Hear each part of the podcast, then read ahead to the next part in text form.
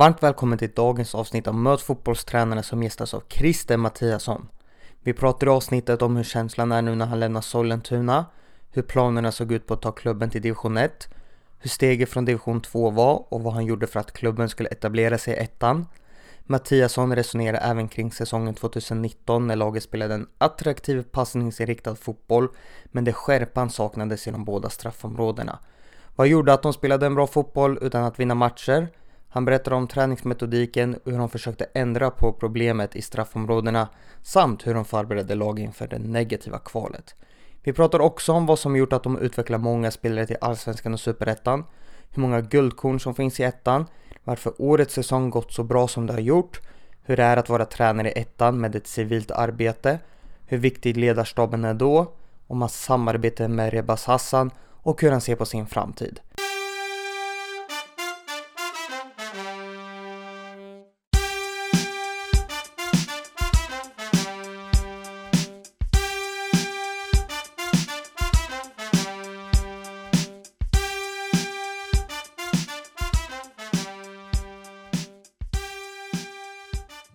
Ålder? 49. Familj? Eh, sambon Elisabeth, två barn. Vilma 21 och Winston 12. Bor? Bor i ett, ett hus i Täby. Bästa spelaren du tränat? Oj, den, där, den är jättesvår. Det, det finns så många olika saker så jag, jag, kan inte säga de bästa spelare för då skulle jag ta bort många, många av de, de som är halvbra där ute också. Eller, eller halvbra, men, men bra spelare så ska jag säga. Rättare sagt. Så jag vill inte säga något namn. Där. Favoritlag? Tottenham. Förebild? Förebild, det, det, det är som de flesta har, sina föräldrar. Men jag har också en, en, en person som har betytt väldigt mycket för mig. En gammal tränare som jag hade, Ingmar Svensson, som, som jag hade när jag spelade i Byttorp division 5. Han, han var som en far. Han var, han var allting runt omkring mig. Också en, kontakt som jag, eller en person som jag har kontakt med fortfarande. Så det är otroligt kul. Så han är en av mina förebilder. Naturgräs eller konstgräs? Naturgräs. Kostym eller träningsoverall på match? Absolut kostym. Vad gör du på match då? Ja, jag försöker oftast ta det lugnt. Eh, det, det blir eh, lite mer förberedelse, titta lite grann på sista detaljer, eh, sådana saker. Dricka kaffe och ta det lugnt helt enkelt. Favoritsyssla utanför fotbollen? Ja, familjen, absolut. Jag, jag är borta så mycket så att jag försöker vara med familjen så mycket det går. Så att det är definitivt det bästa jag kan göra.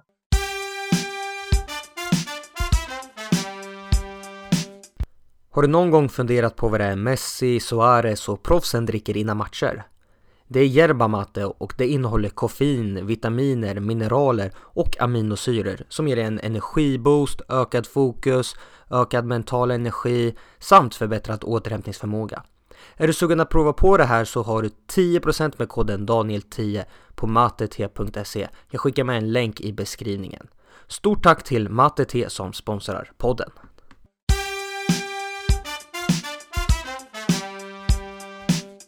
Varmt välkommen Christer Mattiasson till Möt fotbollstränarna. Tack så mycket. Hur är läget med dig?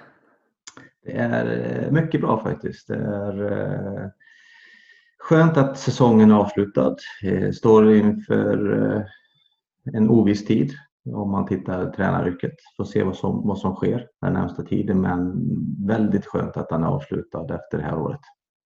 Vi har haft lite kontakt här innan eh, vi har kört igång intervjun och det har varit en hektisk fredag förmiddag för dig. Hur har den sett ut hittills? Ja, det har varit en hel del intervjuer på, på mitt företag. Jag ska anställa en säljare eh, där ute. Eh, så det har blivit en hel del intervjuer. Fixa det sista, prata med medarbetare och alltihopa. Och eh, avslutar nu med en liten promenad där ute för att få lite frisk luft. Fotbollsmässigt så blev det ju officiellt för någon dryg vecka sedan att du och eh, Rebas Hassan lämnar Sollentuna ettan år efter ganska så många säsonger. Hur känns det nu med lite distans till det beskedet? Det, kän, det känns rätt bra faktiskt. Eh, det är alltid vemodigt att, att lämna en förening efter så här lång tid. Eh, men det här beslutet växte fram under året med att vi skulle lämna.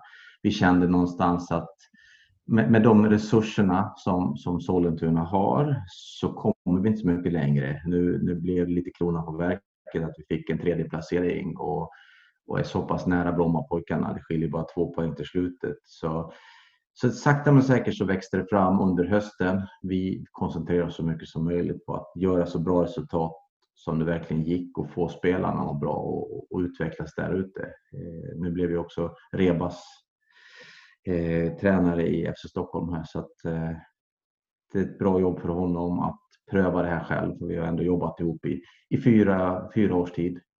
Så det, det, är kul för honom. Så det var ändå något som har kommit smygande och känts nu under säsongen så att det inte blev någonting efter sista matchen att nej, nu vill jag göra något annat? Nej, det, det har kommit eh, efter sakta men säkert hela hösten. Här. Vi, har, vi har suttit i, i vissa möten, vi har tittat på vissa bitar, hur vi ska kunna ta, ta laget, ta oss själva längre fram. Eh, och vi kände någonstans att om vi ska vara kvar just nu i alla fall här då behöver vi nästan gå upp för att vi ska få en ny utmaning där ute. Har det påverkat eh, era insatser på något sätt? Tror du att man har haft den här känslan att man kommer lämna på antingen ett negativt sätt eller ett positivt, att man vill kräma ur det sista? Nej, det tycker jag inte, utan vi, vi har ju jobbat som vi alltid har gjort. Eh, det, det enda skillnaden var ju att eh, Rebas och hans familj fick en, en son här. Eh, och han var borta en liten stund men, men samtidigt har vi jobbat exakt likadant hela vägen in att få spelarna och, och må bra. Få dem att göra samma saker som de gjorde i våras fast lite bättre och lite tryggare. Så nej, absolut inte. Hur skulle du beskriva dina känslor till klubben Sollentuna som du nu har jobbat i ganska så många säsonger? Det, alltså det, det är ju som sagt det, det är sorgligt att lämna någonstans där man trivs. Jag menar, det är ju väldigt lång tid att vara tränare i sex år eh, där ute. Så det känns sorgligt, men jag har en, eh, en god uppfattning att det här kommer bli bra i framtiden också med, med Sollentuna. Att, de får, att någon annan får ta det här vidare och utveckla saker och ting. Så jag har bara positivt att säga om själva föreningen där ute. Innan du blev tränare i Sollentuna så var du ju spelande tränare. Hur är den rollen tycker du? Ja, den är svår. Den, den är jättesvår eh, på sitt sätt för att du ska leda laget, du ska vara med i övningar, men det som är positiva med att vara spelande tränare, det är ju att du ser spelarna agera på planen, inte vid sidan av. Eh, du förstår ibland hur de beslutar, alltså hur man pressar eller hur man tar avslut eller slår inlägg eller tar andra beslut på planen. Nu var inte det min tanke att jag skulle vara en spelande tränare, framförallt inte i Valsa Syrianska. Det var ju snarare så att eh, spelare försvann och kontraktsbröts och så att jag tvingades nästan in i den rollen. Eh, och det var väl egentligen något år för sent eh, om man tittar rent fotbollsmässigt. Men eh, genom att man höll på och man hade rutin så kunde man klara av vissa bitar. Och när du tog över Sollentuna så var det enbart som bara tränare? Det var som bara tränare, ja. Även om jag stod registrerad som spelare så, så var jag aldrig det tanken utan det var att koncentrera sig bara på att utveckla spelare, utveckla system och allt runt omkring som du förstår. Hur kändes det här steget från att, ja, men att du ändå var spelare till spelande tränare och nu bara fokusera på tränarbiten? Var det svårt för din del? Nej, men jag, jag saknar ju att vara spelare. Det gör jag. Jag skulle göra vad som helst för att kunna spela fotboll på en, på en okej okay nivå. Alltså det, det är det. Men, men samtidigt så blir det mer koncentrerat. Jag kunde gå in i spelarnas roll lite mer också att hela tiden tänka. Jag har aldrig egentligen lämnat spelarrollen. Jag, jag tycker fortfarande att jag är en spelare, spelare men jag tränar laget. Så att jag försöker hela tiden sätta mig in i, i spelarna. Hur skulle de tänka om jag stod där på planen själv och, och tittade för och nackdelar på alltihopa. Eh, så det, det känner jag fortfarande att jag är spelare men jag är tränare helt enkelt. Från din eh, elitkarriär som spelare, är det någon specifik tränare så här som du tycker att den här har jag lärt mig otroligt mycket av och dens träningsmetodik, den sätt att coacha, den spel, tränarens ledarskap?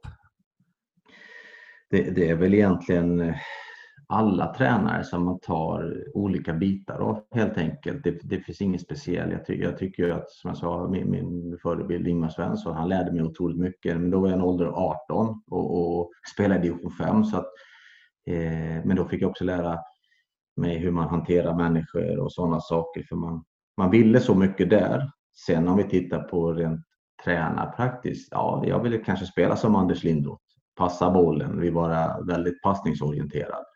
Sen kom han då till Stuart Baxter som, som drillade det taktiska där ute. Otroligt duktig på att vara taktiskt kunnig i allt han gjorde. Jag menar, flytta en spelare två, tre meter, förändra en match och se de här bitarna. Till att sen ha tränare i Djurgården en gång i tiden med, med, med Snuffe och Soran som ja, vi tränar jäkligt mycket för att bli bäst helt enkelt. Så att alla de här bitarna, om man pusslar ihop de här så, så, så blir det jag lite grann i en tränaryrke plus att jag får ta fram mina grejer det jag tycker är viktigt där ute. När du tog över Sollentuna så var klubben i division 2 och målet var att nå ettan inom två säsonger. Kan du beskriva hur den planen såg ut för att nå målet? Ja, då kommer vi, då vi tillbaka lite grann till spelare, tränare. Eh, det, det, första jag gjorde det var ju att samla alla spelare som hade, hade spelat året innan. Vi spelade 11 mot 11. Jag var själv med på planen. Eh, fick se dem i vissa situationer, ställde mig vid sidan. Vi var väldigt många spelare som, som man var i den här division 2-klubben. Jag tror vi var 26-28 spelare där ute eh, börja titta på egenskaper först och främst. Jobbar du inte tillräckligt hårt hos mig, då är du inte välkommen. Alltså, jobbet måste du kunna göra. Sen tittar vi på andra egenskaper, hur, hur tekniskt drillad du är, vad, vad har du för mod där ute? Eh, och sen så försökte jag skala bort så många som möjligt och hitta en, en grupp som skulle vara över två år för att när man tittar tillbaka i historiken i Sollentuna så, så, bytte man 15 spelare varje år. Man var inte så bra på, försäsong, eller på, på våren och så var man höstens lag.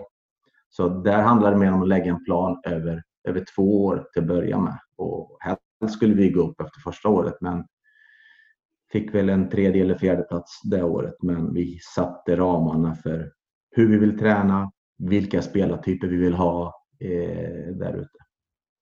Vad gjorde då att ni tog det här steget andra året och gick upp till division 1? Kontinuitet för det första. Vi, vi behövde inte starta från grunden igen. Eh, spelartruppen byttes för kanske ut en, en tre, fyra spelare. Eh, vi förfinade lite saker som, som hände. Men framförallt kontinuitet eh, och, och, sen så visste vi om att de egenskaperna för att vinna division 2, det hade vi där ute. Vi hade en, en duktiga spelare som kunde äga bollen. Vi hade ett omställningsspel som, som satte sin prägel på det hela eh, med extremt snabba yttrar. Eh, och sen så, så behöll vi våra forwards som ändå gjorde en, ett antal mål, 15. Jag tror det var båda 15 mål varje år. Och det, var, och det var viktigt för det sättet att spela. Många matcher avgjordes väldigt tidigt genom att vi var väldigt aggressiva i vårt försvarsspel och vi punkterade oftast matcherna redan i första halvlek. Så när saker och ting var satt på sin plats då, då, var det, då var det väldigt enkelt att leda dem där ute. Vad skulle du säga att eh, du lärde dig under de här två säsongerna som var dina första två år som enbart fotbollstränare? Men det första var ju givetvis att försöka sätta en kontinuitet i, i allt vi gjorde. Att, att träna som vi spelar och göra det så ofta som möjligt. Eh, det, det, var en viktig bit. Sen visste vi ju själva att år ett kommer bli tufft där ute. Allting kommer gå lite fortare. Det, det är lite bättre spelare. Eh, vi fick förfina lite grann, förnya återigen. Eh, problemet var ju att i det tredje året då så kunde vi inte sätta tvåårskontrakt eftersom vi var nya i i division 1 så vi vågade inte riskera för att några skulle ha lite mer lön och det skulle krävas lite mer tid där ute. Men se till att sätta hel, helheten som vi brukar, förfina det, men vi kunde tyvärr inte skriva så många kontrakt som vi ville göra där ute. Men eh, det lärde vi oss sakta men säkert att vad vi kunde ta med oss hela vägen. När ni tog steget upp, satte ni en ny plan över x antal år och de här målen ska vi nå med allt ifrån ja, men, utveckla spelare, ta in ledare och bygga en större stab, utveckla klubben. Ja, det, det gjorde vi definitivt. Eh, för, först och främst eh, det vi, det vi gjorde det var att lyfta upp Rebas då, eh, från U19. Så att han fick börja med gå med mig. Han, han hade redan sina egenskaper där han var otroligt duktig. Men målet var ju givetvis att, att klara sig kvar. Men det vi ville göra det var att försöka spela samma typ av fotboll så att det någonstans hängde ihop från det vi hade tränat på de två första, första åren. Eh, spetsa till vissa bitar och framförallt spetsa till omställningsspelet eh, där ute också. Det var bra tidigare, men vi behövde få lite enkla mål eh, för att varje match stod oftast vägde in i 90 minuter.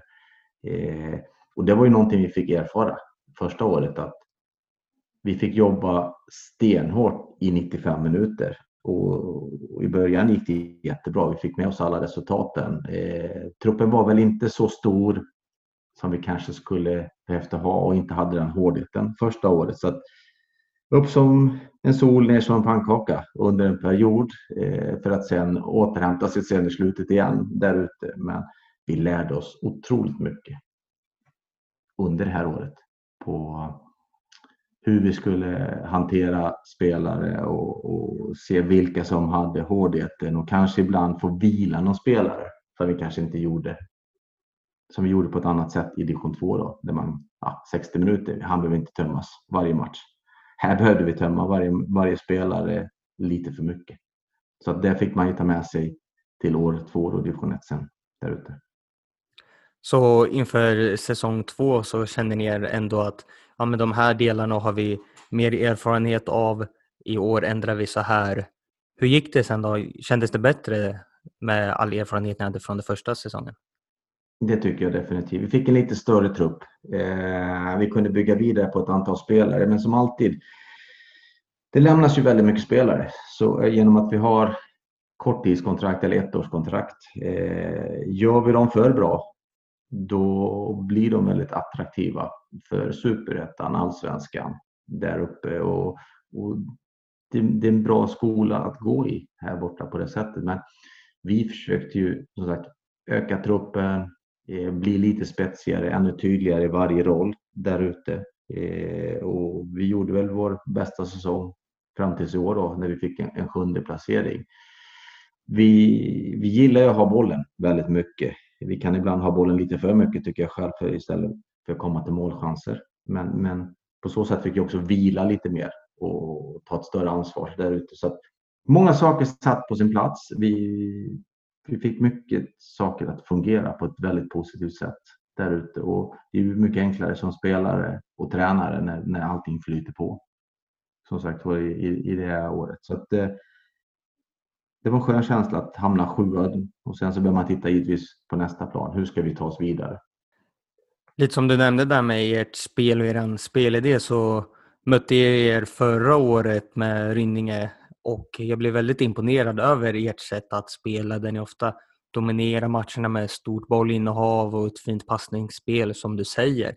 Men det där lilla extra för att göra det här målet saknades. Vad tror du att anledningen till det är? Eh, förra, förra året var ju ett väldigt speciellt år om vi tittar på det. Vi tyckte ju synd, synd om oss själva i 7 till 10 omgångar. Vi tyckte att eh, statistiskt så var vi, vi skapade tillräckligt mycket målchanser. Vi hade ett stort bollinnehav, men i båda straffområdena så var vi för dåliga. Vi, vi förlorade för många matcher. Eh, men det var också ett lärorikt år på det sättet tack vare att när vi inte var tillräckligt bra i början eller för att göra mål och sådana saker så tyckte vi som sagt Spelare tyckte synd om Vi tyckte att vi spelade bra. Vi gör inget fel i det vi gör förutom att det kommer lossna en dag. Och där var vi naiva. Vi var väldigt naiva i, i, i den biten när vi, när vi tycker saker istället för att hur kan vi göra för att få dem att göra mål? Och hur kan vi få dem att försvara bättre, att vara mer effektivt i, i bägge straffområdena? Ute på plan var vi, jag ska inte säga totalt överlägsna, men väldigt överlägsna i många, i många matcher. Och lag fick jaga boll mycket mot oss, men vi var, inte, vi var helt enkelt inte tillräckligt bra där ute. Och på så sätt så hamnade vi på en, en dålig placering.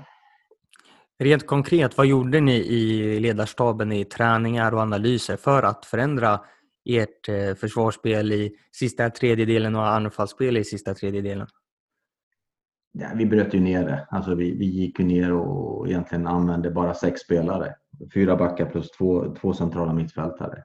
Och sen jobbar vi i positioner när bollen var i olika positioner eh, hela tiden. Var ska vi vara? Vilka ytor ska vi försvara?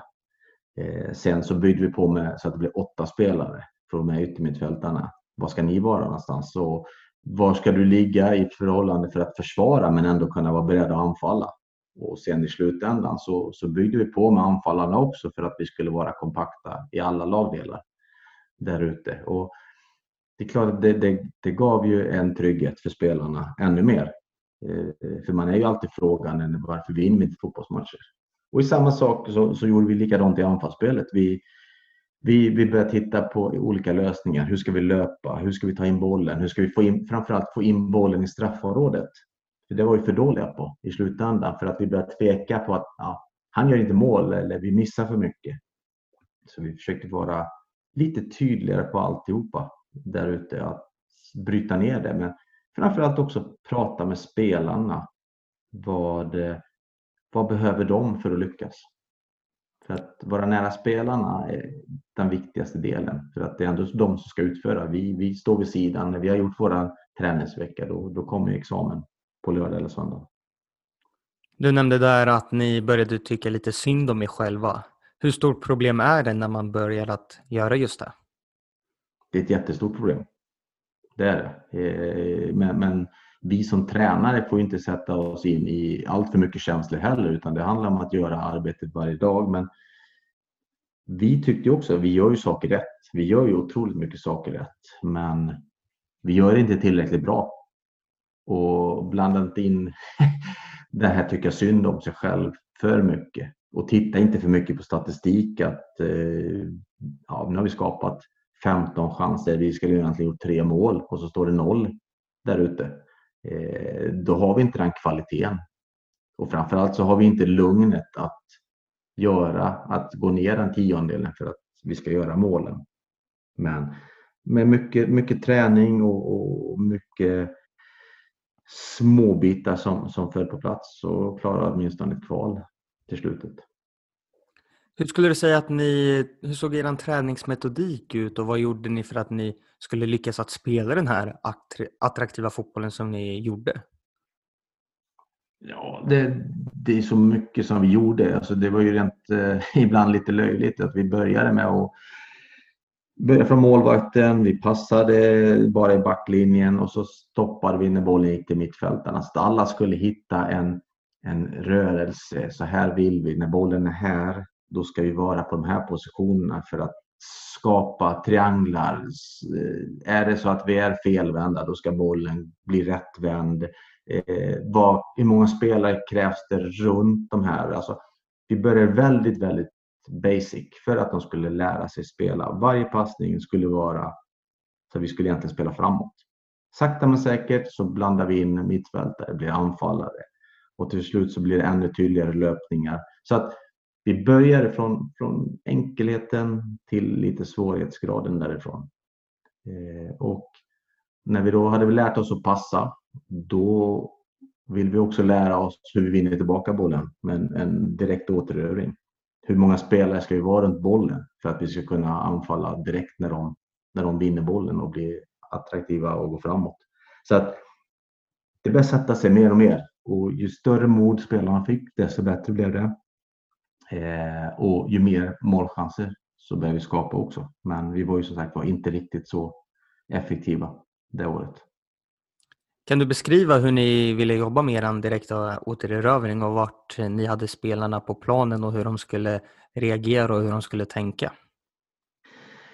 viktigt är när vi, när vi spelar eh, fotboll eller hur vi har gjort i Sollentuna, det är att vara många spelare runt bollen hela tiden. Att kunna kombinera eh, samtidigt som vi, höj, vi vill vi vill givetvis försöka trä in bollarna så mycket som möjligt i det straffområdet. Men när inte det lyckas och man känner att direkt eh, vi tappar bollen så ska vi bara, vi ska inte vi ska reagera, agera direkt helt enkelt, bara gå mot spelare. Där tar vi upp man-man. Närmsta spelare tar bara upp närmsta spelare. Eh, och där, där, hade vi lite olika övningar där, där, vi, där vi spelade oftast 6 mot 6, 7 mot 7 eh, och tränade på och lämnade oftast spelaren längst bort. Så vi hela tiden försökte vara en spelare mer i, i direktåterövningen. Lyckas de spela ute där, givetvis så, så följer vi tillbaka snabbt. Men vi började i små grupper för att de skulle få känna, känna av det och sen så ökade vi efterhand och till slut så spelade vi 11 mot 11. Som du sa förut så avslutades säsongen för er del med ett negativt kval mot Motala och för att lyckas hänga kvar i serien. Hur mycket ångest fanns över den matchen? Det var ingen ångest eh, alls kan jag säga dig. Det var snarare så att vi pratade mer om eh, känslan vi ska ta med oss. Vad kan vi lära oss av det? Att vi var tillräckligt bra tyckte vi själva givetvis. Det, det, det är en viktig del i det hela men jag bad spelarna att titta mer på, skriv ner tankar. Ta med det här i framtiden när vi står inför sådana här saker. För det finns alltid saker vi gör bra i det dåliga. Så man måste vara noga med att ta fram det här. Jag, jag kan ju vara otroligt kritisk som tränare när vi vinner. Och sen kan jag vara otroligt positiv när vi förlorar för att få spelarna att känna att vi är med. Men i det, i det fallet så pratade vi bara om vad lär vi oss av det här? Hur kan vi ta det här vidare med oss hela vägen? För det var den viktigaste biten där ute. Och sen ner med axlarna och vara framåtlutade som vi pratade om. Vi ska, om, vi, om vi ska åka ut, då ska vi åka ut på att vi har spelat vårat spel och inte hittat på någonting annat. Vi, vi gjorde inte så mycket krångligare än så. Så det var inte att du överarbetade inför matchen med förberedelser och mer än vad man kanske hade gjort inför en vanlig seriematch? Nej, det, det tycker jag absolut inte vi gjorde. Det, vi jobbar precis på samma medel som vi alltid har gjort. För att förändra för mycket, det gör ju spelarna också konfunderade. Eh, man, man, kan ju använda spelsystem, man kan använda, byta spelsätt och allt möjligt och spela längre bollar. Men det hade inte passat oss. Jobba lugnt och metodiskt där spelare, ledare är trygga i sina roller och ha ett stort mod. Vi pratar oftast om glädje och mod i Sollentuna under alla år. Ska vi förlora, då ska det i alla fall vara en stolthet att vi har gjort vårt jobb. Vi har varit offensiva i vårt tänk och vi har hållit det inom de gränserna vi ska göra. Och det tog vi med oss och vi gjorde det på ett jättefint sätt båda matcherna. Ni höll kvar i ettan. Hur såg arbetet ut inför årets säsong? Är det någonting som ni ändrade i ert spel för att ta det här nästa steg? Eh, det, det fanns, det fanns eh, många bitar eh, som vi förändrade. Den första stora delen som vi gjorde, vi tittade, vi gick igenom och kritiserade oss själva först och främst. Vad var det vi gjorde fel? Varför blev resultaten så dåliga och får vi ett negativt kval för vi tyckte någonstans att många saker satt på plats.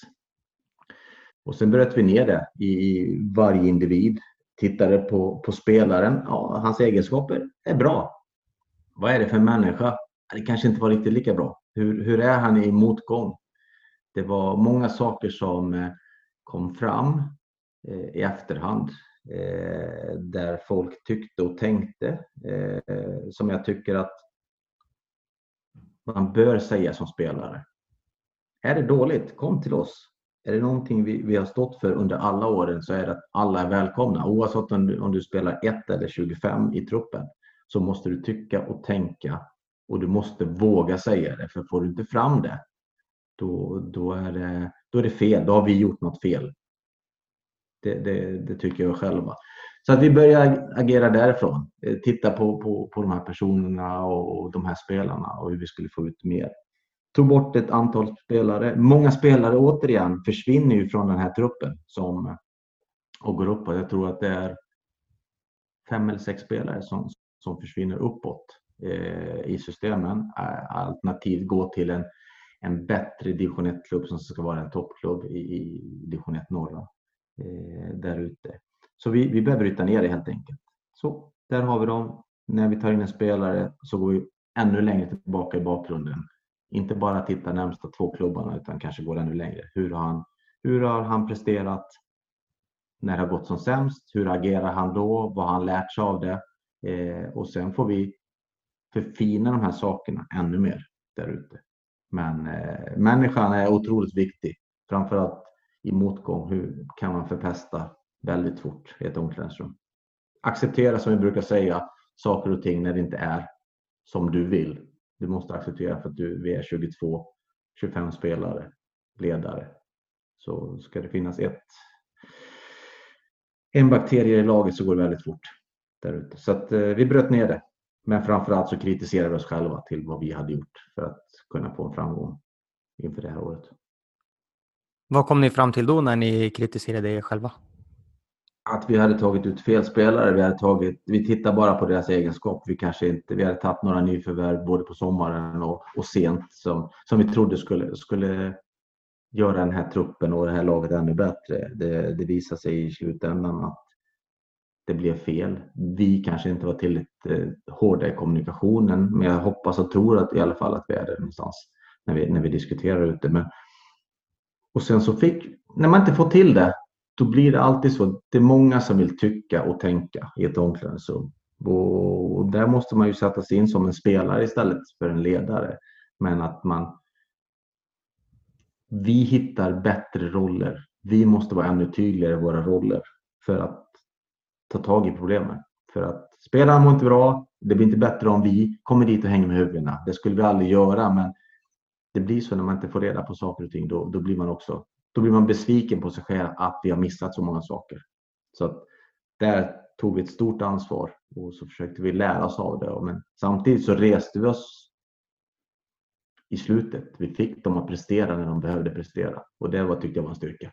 Både hos oss och hos spelarna. Förändrar ni något i er spelidé och arbetssätt för att få ut ännu mer? Eh, lite, lite grann i, i spelidén. Eh, vi, vi pratade väldigt, väldigt mycket om att komma lite snabbare framåt mål. Inte hela tiden ha ett, alltså det här att hålla i bollen. Kunde vi gå direkt på målchans fy för den som säger att man inte ska slå en långboll i djupet för att det ska skapa målchans. Alltså, alla vill passa och dribbla och göra det jättefint. Men kunde vi ta oss på en passning fram, då gjorde vi det. Fanns den ytan att attackera, då var vi väldigt tydliga med att göra den ifrån. Sen hade vi ett arbetssätt att vi, vi gärna ville få ett stort bollinnehav, men vi skulle slå linjer lite oftare. Ännu tydligare. De spelarna som spelade i fickorna som vi kallade de, de ska vara halvt rättvända hela tiden för att det ska vara ett hot. Våra yttrar skulle vara otroligt duktiga på att spela en mot en. Och, och det fick vi ju. Vi, vi, vi hade ju yttrar i år som, som var attackvilliga, som kunde göra sin gubbe hela tiden. På så sätt fick vi ett hot hela tiden. Och, och med deras skicklighet centralt så, så blev det en spets i slutändan. Så vi, vi tittade mer framåt. Vi tittade hur vi hela tiden kom in i straffområdet. Och framförallt så spetsade vi också till återerövringen där ute som blev ännu bättre. Och vi skapade och gjorde väldigt många mål på att återerövra bollen högt. Var det någon detalj i återerövringen som ni vrid och vände på som funkade ännu bättre den här säsongen? Det var väl mer att de tre framåt, om vi kallar våra yttrar och våra, våra forwards, skulle, skulle vara mer beredda när vi vinner bollen, attackera ytorna. Där går vi. Ni kanske inte får bollen tio gånger, men den elfte gången får ni den, då ska ni skapa. Så de, de fick ju in det i huvudet. Här går vi direkt när vi vinner bollen och, och till slut så lär sig spelarna också. Det är bara att sätta bollen på ytan. För att de här kommer springa ifrån och de kommer skapa oreda där ute. Så det var någonting vi tränade på oavsett om vi spelade fyra mot fyra eller sex mot sex eller elva mot elva så, så skulle det här finnas i deras eh, tankesätt hela tiden. Så fort vi vinner bollen ska högsta spelare börja attackera en yta som är tom. Och sen är det upp till de bakom våran att kunna spela in den ytan om det finns en yta som är tillräckligt bra. Hur skulle du summera årets säsong som så när slutade med en kvalplats till Superettan? Ja, eh, givetvis är jag otroligt stolt eh, att, att, vi, att vi blir på en tredje plats. Eh, ett, hur, hur vi organiserade upp ledarbiten på ett väldigt tydligt sätt. Eh, för det första, vi blev väldigt mycket tydligare i våra roller. Eh, jag fick ju en, en helt annorlunda roll om vi tittar på i år. Jag var den onda personen om vi tittar på det. Jag tog de hårda samtalen eh, där ute och då visste spelarna om det också. Okej, okay, ska man prata med mig ibland så, så är det antingen så är du petad eller vi behöver eh, spetsa till saker och ting. Självklart så, så gav jag väldigt mycket positivt också, det är inte det jag pratar om. Eh, Rebas drev många av träningarna på ett sätt. Eh, och Amin då, som kom från U19, han var den här gubben med jättefint öga. Eh, han tittade på detaljer. Eh, han kramade spelarna. När jag kanske hade varit där lite ond så kom han. Ja, han menar inte det. Jag vill bara att vi förfinar saker och ting där ute. Så att spelarna visste exakt vad de hade oss. Min roll blev också att när jag inte tränade laget varje pass, då blir det att gå enskilda samtal på planen, för fina saker. Alltså vi, vi kunde gå in i, i och ännu tydligare i allting vi gjorde där ute. Eh, sen, sen så är det klart att vi hittade en grupp som, eh, som mådde bra och som presterade. Det tog sin lilla stund innan vi hittade kanske den exakta laguttagningen. Men, men laget mådde bra. Eh, gruppdynamiken var bra. De umgicks vid sidan om. Vi fick dem till att tycka det var kul att vara nere. Men det var jag lärdom från året innan. En lite mindre trupp eh, som vi också byggde. Så de fick ju närhet och sen fick vi en väldig massa kvalitet där ute. Hur viktigt är just ledarteamet när man inte arbetar heltid som fotbollstränare när man har ett civilt jobb utanför fotbollen? Den, eh, den betyder ju otroligt mycket. Ett, vi ska lita på varandra. Två, vi måste säga vad vi tycker och känner. Jag menar, vi, vi, har vi fler spelare eller ledare runt omkring laget, då har vi fler ögon. Och vi, jag och Rebas har suttit och vi har kritiserat varandra eh, som vi ska göra och vi har haft eh, väldigt högt i tak. Tycker vi inte någonting är bra, det, då ska vi säga det till varandra. Eh, det, det, kan, det kan vara... Alltså de här diskussionerna som vi har haft, den, den leder till någonting väldigt bra i slutändan. Ibland när vi har suttit där och tagit ut ett lag och, och gjort det på ett sätt. Så sitter vi då med en elfte spelare kvar. Så argumenterar vi för och nackdelar med. Då kanske Rebas har en spelare, jag har en annan spelare och till slut så, så hittar vi en bra lösning. Och det, vi går oftast ut med ett leende och när vi har tagit ett beslut, oavsett om det är mitt eller Rebas sista ord som har tagits, så har vi alltid stått för det. Vi står alltid för det vi, det vi säger och, och levererar till spelarna. Det här kör vi på och vi kör så länge det ryker helt enkelt. Så att vi var väldigt tydliga med allting vi gjorde och bröt ner det för att de, den samtalslistan som jag hade till, till Rebas och han till mig under det här året, eh, ja, det är fyra, fem gånger per dag där vi planerade allt. Allt från känslor till övningar till eh, reaktioner efter träningar och sådana saker. Så att vi, vi har bott ihop i år känns det som.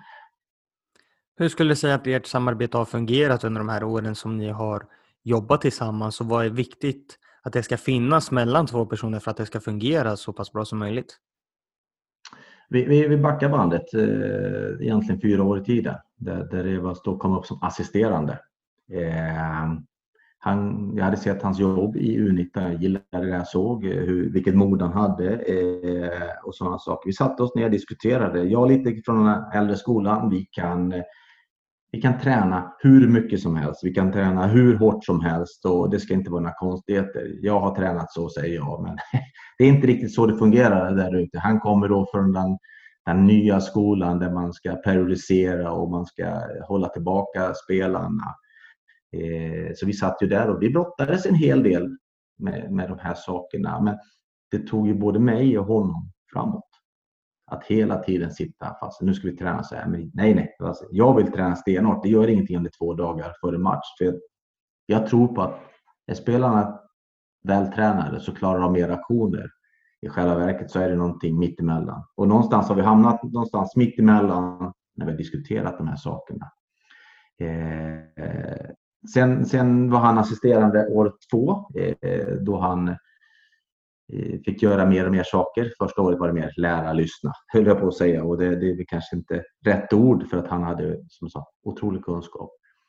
Till att tredje året så, så gick jag in och så sa jag det.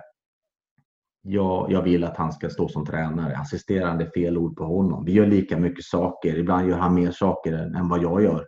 Och varför ska inte han få lika mycket cred för det vi gör tillsammans? Så att vi lyft, jag lyfte upp honom och, och, resultatet blev inte bra första året, men det var ju för att vi båda två ledde träningarna och vi kanske sa saker så spelarna fick höra samma sak två, tre gånger istället för att nu, nu leder Rebas träningarna 2020 och jag förfinar det en och en istället. Så att det samarbetet, vi behöver inte ens prata med varandra längre. Vi tittar på varandra så vet vi vad den andra vill och det är en trygghet Eh, som jag känner och som jag tror han känner också. Och att han inte kommer bli en, en toppentränare en dag i, högre ligor, det, det, nej, det tror jag inte. Han, han kommer stå där snart. Och jag har sagt, jag sa från, från början, år två, jag ska följa med dig, jag ska vara din assisterande de sista tio åren. För att vi, vi älskar att jobba med varandra och vi, vi ställer krav på varandra.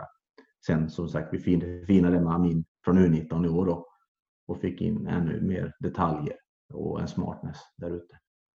Så att jag kan bara önska honom lycka till. Jag vet att vi kommer ha mycket samtal ändå, även om vi inte kommer jobba i samma förening nästa år.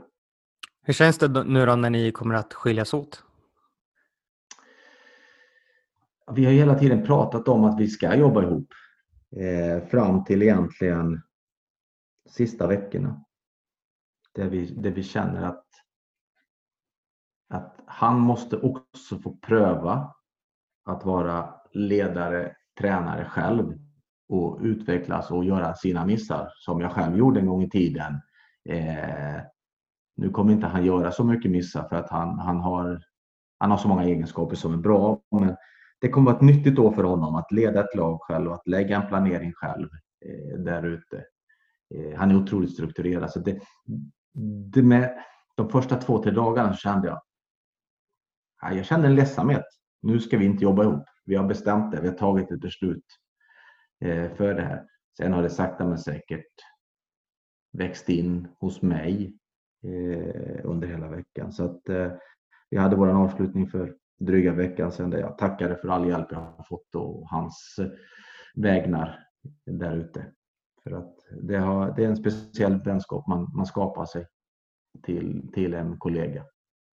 Så att eh, nu ska han bara se till att ta sitt FC Stockholm upp till division 1 också. Så får vi se vad som händer sen. Under alla år så har ni ju producerat väldigt många spelare till Allsvenskan och Superettan som du var inne på och listan går ju att göra lång med spelare. Vad tror du ligger bakom den fina utvecklingen ni har fått på spelare? För det första vårt engagemang. Eh, vi lägger ner otroligt mycket tid eh, där ute. Vi tittar och pratar med spelarna. Vi får spelarna att för det första må bra när de kommer till träningarna. De, de känner sig omtyckta. Eh, nu kommer säkert inte alla hålla med om det givetvis, men, men vi vill gärna att, att de ska känna att när vi kommer och tränar, då ska vi göra ordentligt. Det är en förberedelse, en bra träning. Eh, spelarna ska känna det. Sen, sen, sen har vi, som, vi har mycket känslor med, med spelarna. Vi försöker sätta oss in i deras situation, att träna, jobba fulltid, när kan de få ledigt och sådana saker. Sen försöker vi hela tiden förfina små detaljer där ute. Det, det, som också ska sägas att, att komma till Sollentuna och, och, och, och, ha den, för det finns ingen press egentligen utifrån. Det finns inga, ingen som ställer det kravet på, på oss att vi ska vinna varje match. Man är rätt nöjd med att vara i division 1. Att man ska ha ett nytt kontrakt året efter. Det kan ju vara en trygghet för många spelare. Att jag kan träna i lugn och ro, jag kan förfina mina saker.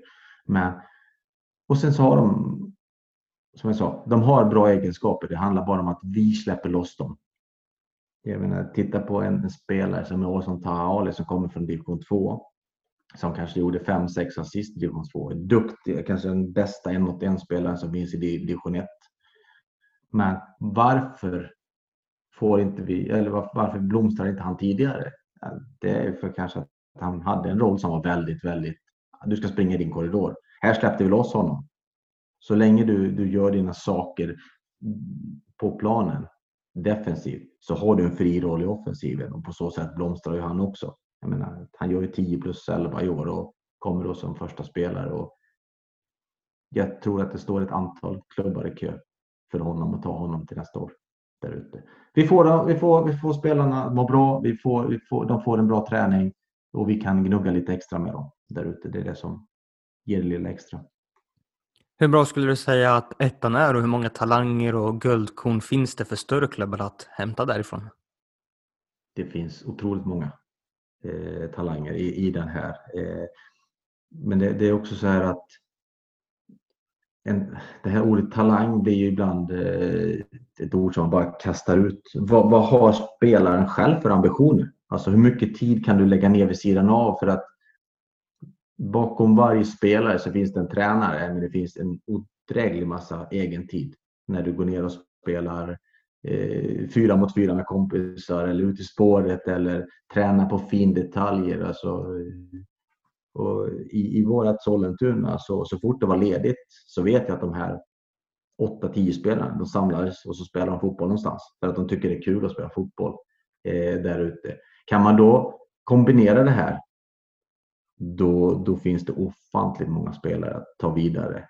Men det gäller också att klara spelaren att flytta från sin stad, från lilla Sandviken kanske till Stockholm och spela i en av de större klubbarna. Det kanske inte är det lättaste, men då måste man som klubb också ta vara på de här spelarna. Men nu gick ju eh, deras ytter ner till Mjällby till exempel. Det kanske är perfekt för honom, Johansson, eh, nere nere. Då hamnar han i lite mindre klubb och kan fortsätta att ta vara på det här. Och det är samma sak med våra spelare i Sollentuna. Här kommer det försvinna en fyra till sex spelare minst från A-truppen som går högre upp.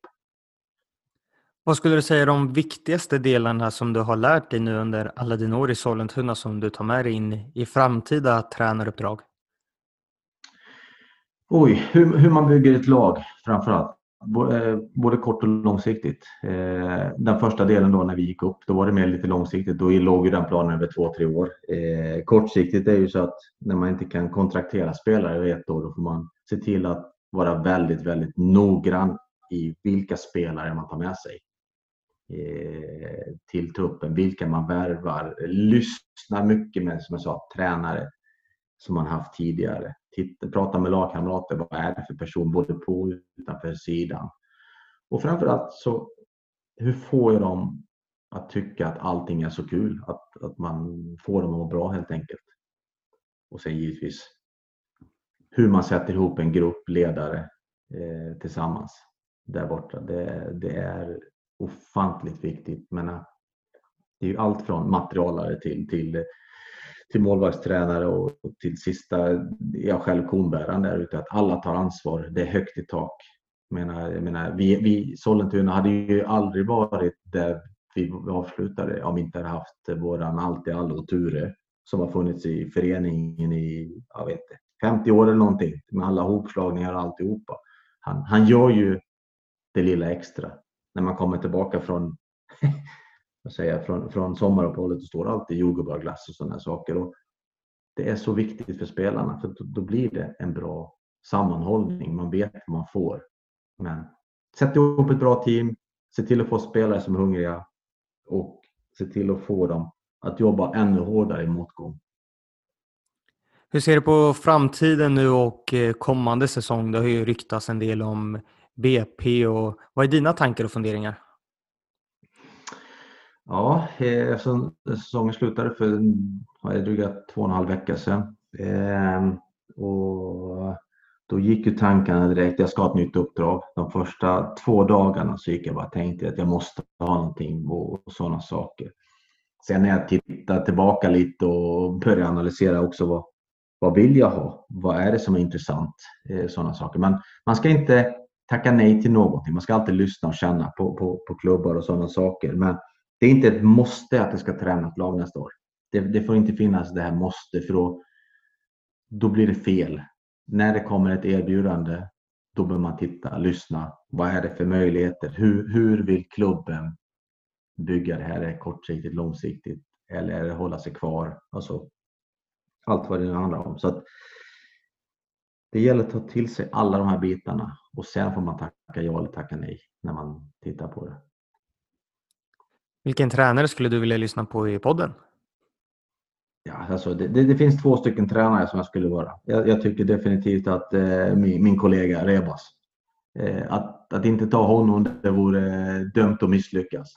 Sen, sen, har jag faktiskt en gammal spelare i Tobias Lindroth som jag skulle vilja höra hur han, hur han har lagt upp sitt liv och sin fotbollstänkande. Han har haft sin pappa Anders som tränare.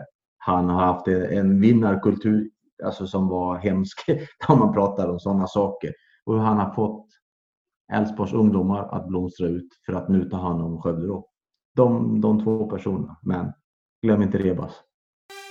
Jag får tacka stort för tipsen och eh, lycka till i framtiden. Tack så du ha. Tack.